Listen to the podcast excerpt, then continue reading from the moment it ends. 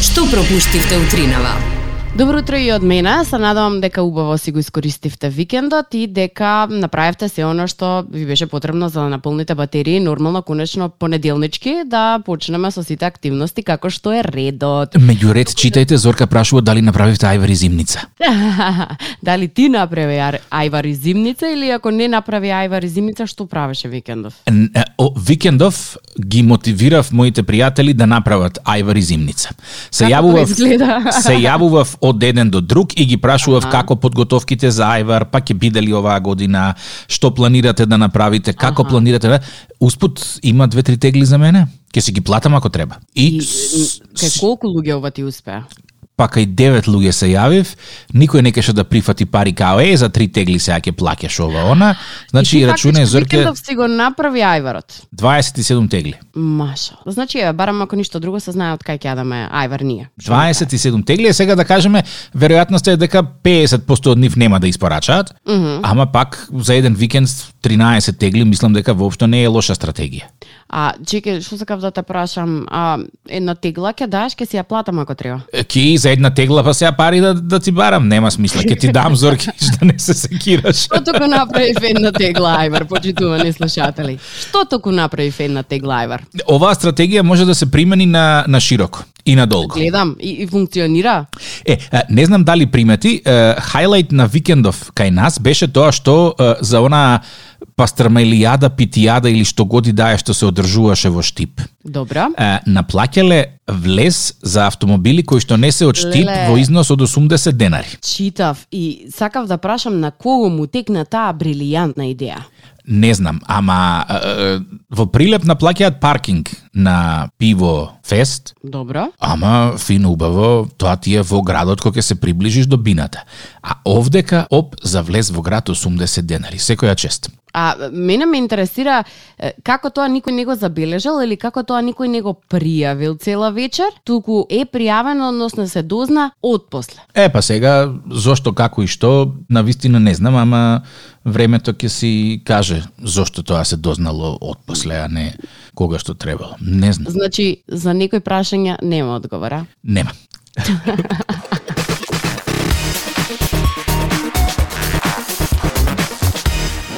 Е, Имаш некое прашање во врска со она ајваријадата во Славонија, така? Да, е, имаат една грешка. Ајде. Не ме викнале мене да им способам тензерингата. Ќе ги упропастеше. Пријатно, дечки. Фала ти, има јубав ден. Зорке, пред да влеземе во образовниот дел од е, нашата емисија, е, имам слушател со една идеја која што ќе ја олесни е, целата таа процедура на правење ајвар. Повели.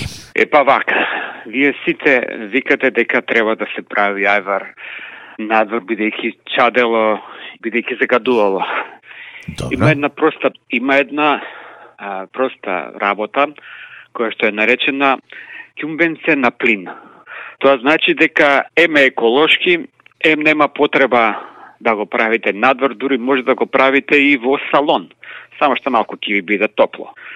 Така да Чекај, тоа е од оние кјумбенца што се користат за греење зимно време?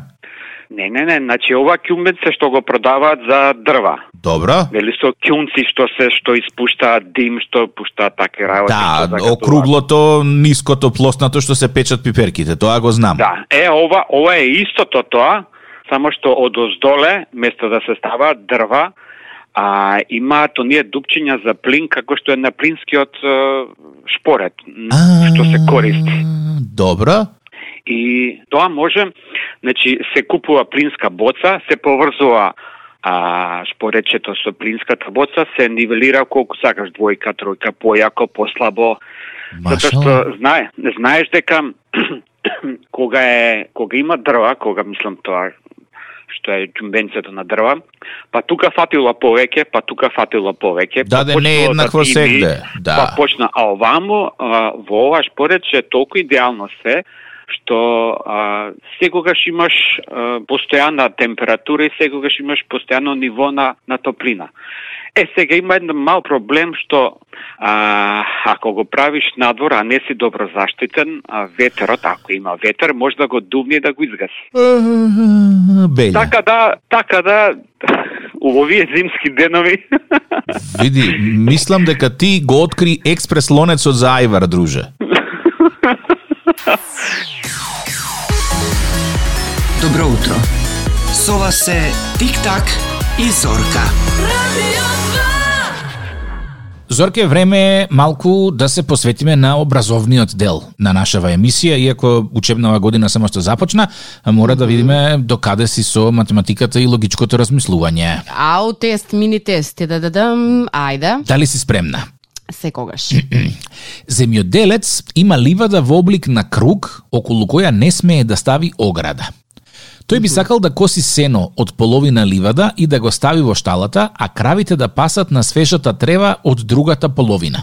Добро. Како може да го постигне тоа? За откако ќе го искоси и однесе сеното од половина ливада, да ја остави кравата сама да ја пасе целата преостаната трева без да излезе надвор од ливадата, а при тоа да не ја пасе тревата на комшијата. Сакаш уште една за да ти го прочитам. Чекај малку, стасав со размислување дека сака л- кравата во едниот дел од кругот од ливадата да е- една едниот едната половина на кругот ќе ја коси. Да. И го имам решението.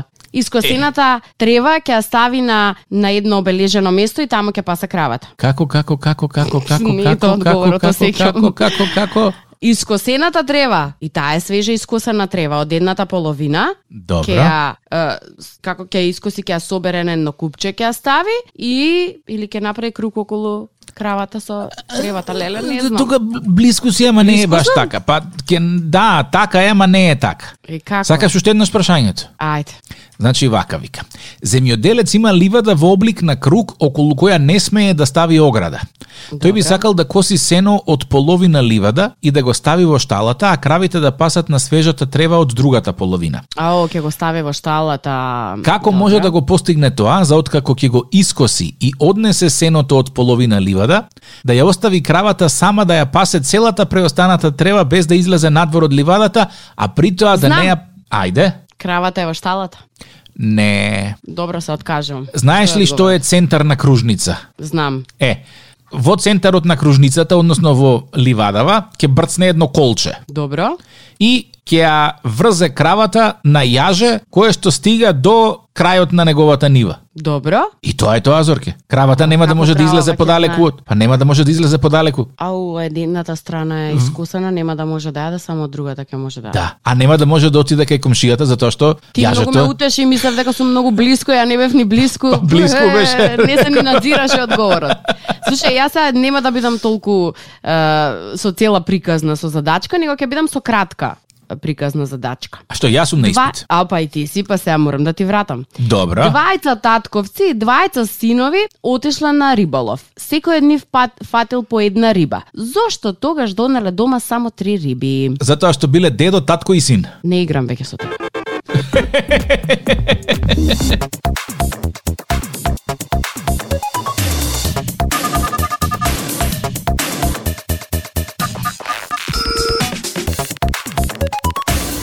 пред неколку дена има можеби, е, како читав некоја си статија која што зборуваше за несоницата, колку е непријатна, колку може да не погоди, како влијае врз нашето здравје, др др др др др и така натаму. И права да ти кажам, понекогаш од време на време на некој зна, на секого знае да му се случи да не може да заспие од чиста мира. Е, претепан си, многу ти се спие, едве чекаш да се да, да легнеш во горизонтала и кога ќе легнеш Не можеш некој- да заспиеш. Некоја мисла ќе ти се врати од трето оделение, не знам, не, некој настан и тој настан ќе те префали во трета година средно, па на факултет, така ќе ти се развие таква приказна да не можеш да заспиеш цела вечер. Јас, на пример, кога не можам А. да заспиам, Васко жабата ми се увртува во глава и тоа ми е нот не мора да знаеш. Да, или некоја глупава Но песна која што кошмар. постојано, да, ја вртиш, ја пееш и си викаш, «А, срети се на другата страна и не мисли на тоа и во мозокот ти свири цел бенд. Имаше едно време, не знам дали знаеш, препорачува кога моите деца беа мали, као uh, white noise, бел шум пушти им, за да, Да. заспијат и тоа беше Да. што е бел шум, е па вентилатор, рерна, воз. Аспиратор, фен, Еве ти го, ова. ова. И како со ова ќе заспиеш? Па реално Не се знам. фокусираш на него и забораваш на се друго, а тоа е еден постојан звук кој што цело време врти. Хм. И знам дека помага, реално помага. Мгм. Значи, а, белиот шум е звук кој што ги содржи сите фреквенции од звучниот спектар кои ние не можеме да ги слушнеме. Тоа се помеѓу 20 и 20.000 херци. Ако имаат ист интензитет измерен во децибели и реално трае долго.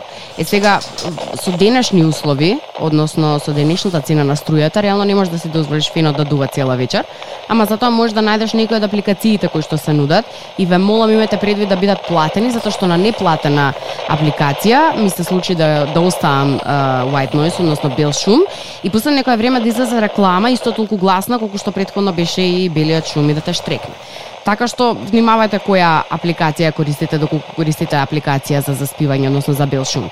Меѓутоа, она што е ново и што е многу интересно е дека во последно време е многу популарен и розевиот шум за кој што јас немав слушнато предходно, а розивиот шум е комбинација од фреквенции на звучниот спектар, но се малку подлабоки од белиот шум.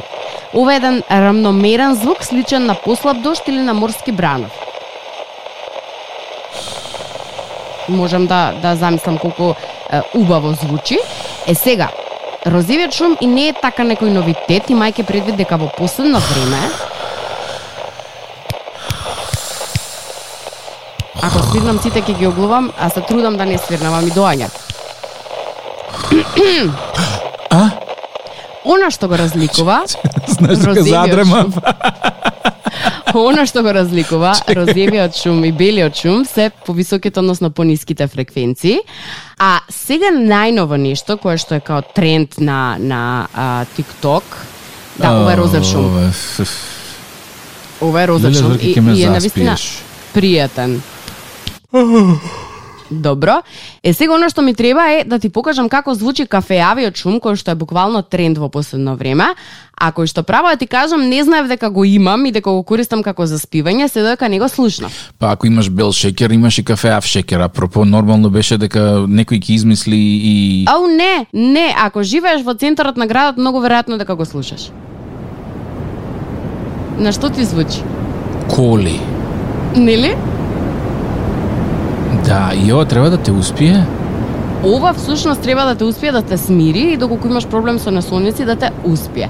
Прашањето кое што а, јас си го поставувам е како не сум знаела до сега дека постои кафеав шум и всушност дека кафеавиот шум може да го бие- добиете секој пат ако живеете во центар кога ќе го подотворите прозорот.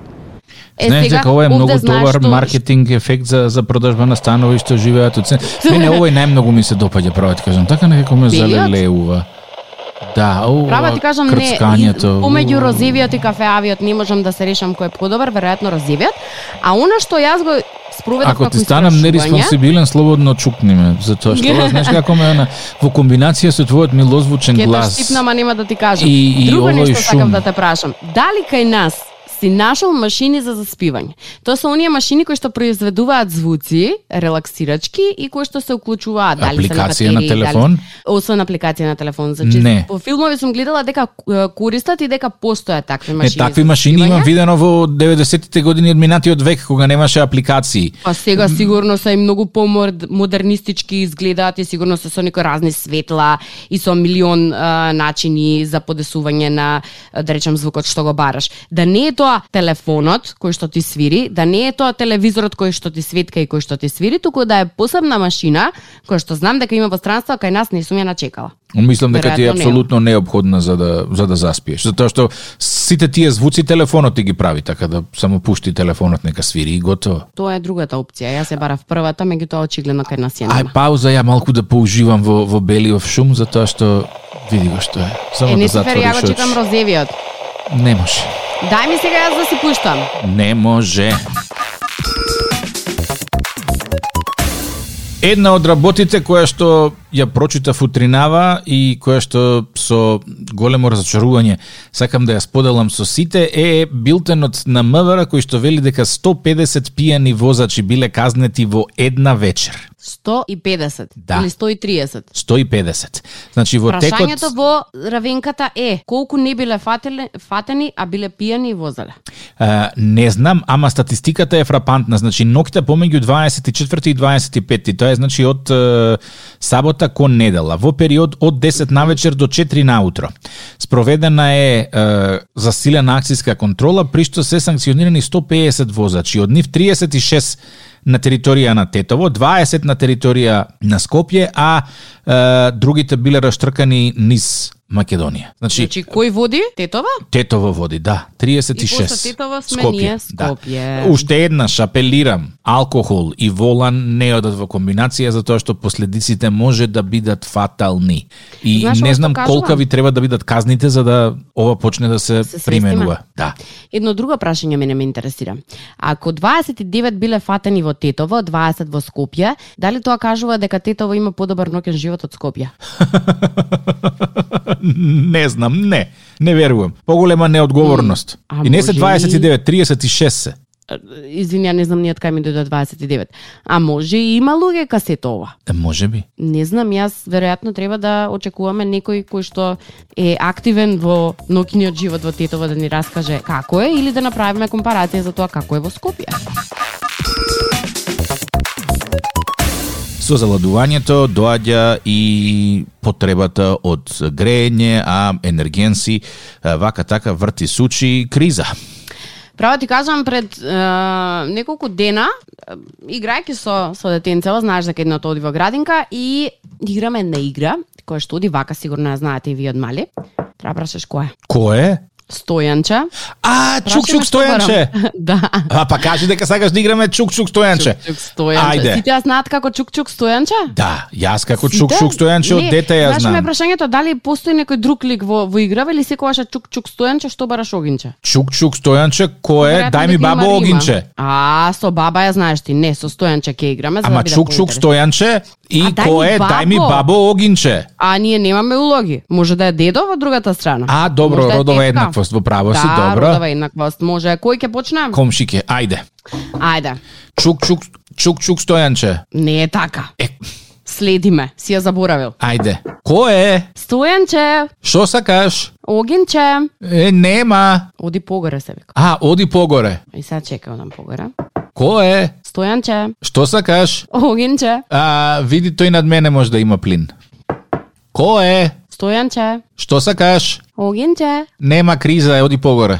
Гледаш како се имплементира во нашата секојдневие? Дали виде, користеше Да. да. креативност да биде поинтересно и Да. да. всушност го отслика сето оно што ни се случува во моментот. Стоенче сиротиот бара од кат на кат некој да му даде огинче пошто му студи дека нели веќе и температурите се подсинна. Да. А сите овие што имаат огинчиња не му даваат, од друга страна на човеков му студи и сега тоа се прашувам, што оваа игра символизира? Па, она што нас не Дали? очекува во предстојниве неколку месеци, Зорке. А што не очекува во пресудата, дали тоа нас надсликува како скржави? Не, на па крај на види. Стојанче, на петтиот прст, на Стојанче му даваат огинче, влези и го јаде куче. Така е, кучето го јаде. Да, кучето го јаде. Значи, на равоучение, ако има куче, немојте да барате огинче да ви дадат. Ја мислам дека наравно учинија немој ни да бараш, нема да добиеш, а ако добиеш, нешто црно ти се пишува. Е, па како, Зорке, да се топлиме оваа предстојна сезона? Еве, криза ќе биде. И па играта веројатно би била вака. Кој е? Стојанче, Што ти треба? па огинче. Е, па кај да ти најдам бе дете? Е па пушти ме кај тебе малку. Е, да бе. Ге? Ни во игра не сакаш да ме пуштиш. Чекај А ми би рекоа дома било- непознати да примам. Да а, не гледај, Би примам. било многу интересно, односно би било многу широко гледно некако, ако Стојанче го пуштеа барем еден двајца и му дадоа малку огинче. Значи, кол кафе Стојанче прво да дефинираме. А сега ти многу го размислаш. А, не, ама, Да речеме мислам- дека Стојанче е 38 А, нема 9 проблем, ќе го годишен. пуштам Стојанче, ела, ела, влези Стојанче, повели. И Стојанче е а, вработен, ама неодамна отпуштен заради тоа што заради енергетската криза морале нели да да го отпуштат од работа. И се човеков бара огинче. И Ела, сега ние влези, сите што Стојанче. имаме огинче, еве ти на пример, со- јас сум огинче, е, јас сум Стојанче, ти си комшиите, никој не му дава. Што кажува тоа на едно мало дете за нашето општество? Шкржави сме. Ова е сосема спротивно зорки од она што го гледаме на македонски народни приказни. Кај што ти викаат кој год да ти тропне на врата, ќе го викнеш дома, ќе му понудиш јадење, ќе му понудиш пиење, ќе споделиш макар и од своја уста да извадиш да му дадеш на гостинот. А тука чук-чук Стојанче, што бараш огинче, нема тука оди погоре. И така погоре, погоре и... Види, од друга гледна точка, Стојан Чебар оди по скали горе-доле, малку се затоплува. А од друга страна, што ако користи лифт? Е, троши струја Зорке тоа, не верувам дека А, ќе го нема направи струја. Стојанче. Не верувам дека Стојанче тоа би го направил. Немој и ти да бидеш Стојанче, немој да користиш лифт. Користи скали, побаре огенче, може некој ќе ти даде. Ова е Радио 2. Добро утро. На Радио 2, секој работен ден од 7.30. Будење со Тик-так и Зорка. Во случај на неконтролирано смеење и симптоми на позитивно расположение, консултирайте се со вашиот лекар или фармацевт.